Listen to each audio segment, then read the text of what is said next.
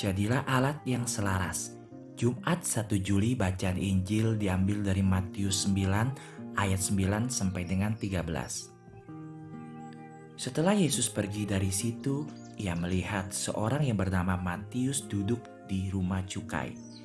Lalu ia berkata kepadanya, "Ikutlah aku."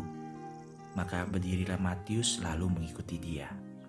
Kemudian Yesus makan di rumah Matius datanglah banyak pemungut cukai dan orang berdosa dan makan bersama-sama dengan dia dan murid-muridnya. Pada waktu orang Farisi melihat hal itu, berkatalah mereka kepada murid-murid Yesus, "Mengapa gurumu makan bersama-sama dengan pemungut cukai dan orang berdosa?" Yesus mendengarkannya dan berkata, "Bukan orang sehat yang memerlukan tabib, tetapi orang sakit. Jadi, Pergilah dan pelajarilah arti firman ini.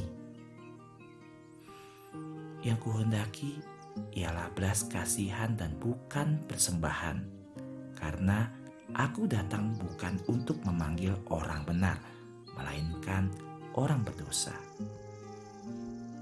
Sahabat, Injil hari ini menggambarkan pertobatan Santo Matius. Apa yang dia lakukan setelah bergabung dengan Tuhan kita? Dia membawa teman-temannya, orang-orang berdosa seperti dia, kepada Yesus. Itu adalah misi pertama Santo Matius. Sahabat mengerti?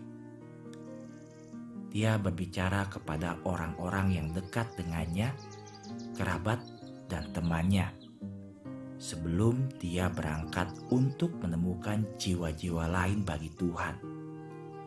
Kemudian dia menjadi alat di tangan Tuhan untuk pertobatan banyak orang. Itu juga misi kita, sahabatku. Sebelum kita berangkat untuk bertemu dengan jiwa-jiwa yang bisa datang kepada Kristus, kita harus melihat sekeliling terlebih dahulu dan pergi kepada mereka yang lebih dekat dengan kita. Keluarga kita, teman-teman kita. Itulah yang dilakukan orang Kristen pertama.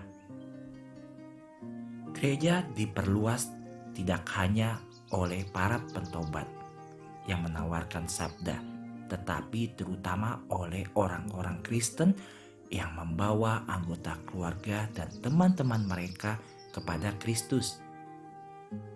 Tuhan juga dapat membawa orang lain kepadanya dan menggunakan kita sebagai alatnya.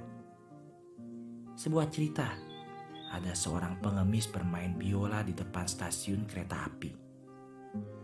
Lalu tiba-tiba ada seorang pemain biola terkenal lewat Marter Biara itu ragu-ragu untuk bertanya kepada pengemis itu, Maukah Anda jika saya menyetel biola Anda? Saat dia memetik senar dengan jarinya, orang-orang mulai berkumpul. Kemudian master mulai memainkan instrumen klasik dan semakin banyak yang berhenti.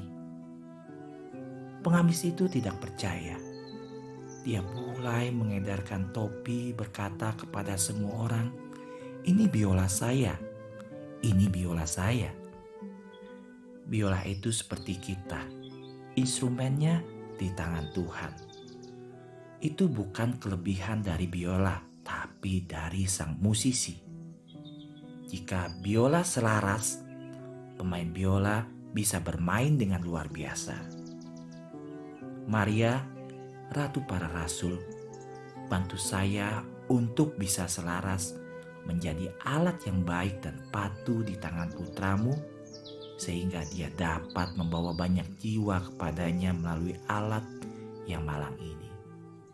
Bunda Maria, harapan kita dan tata kebijaksanaan, doakanlah kami.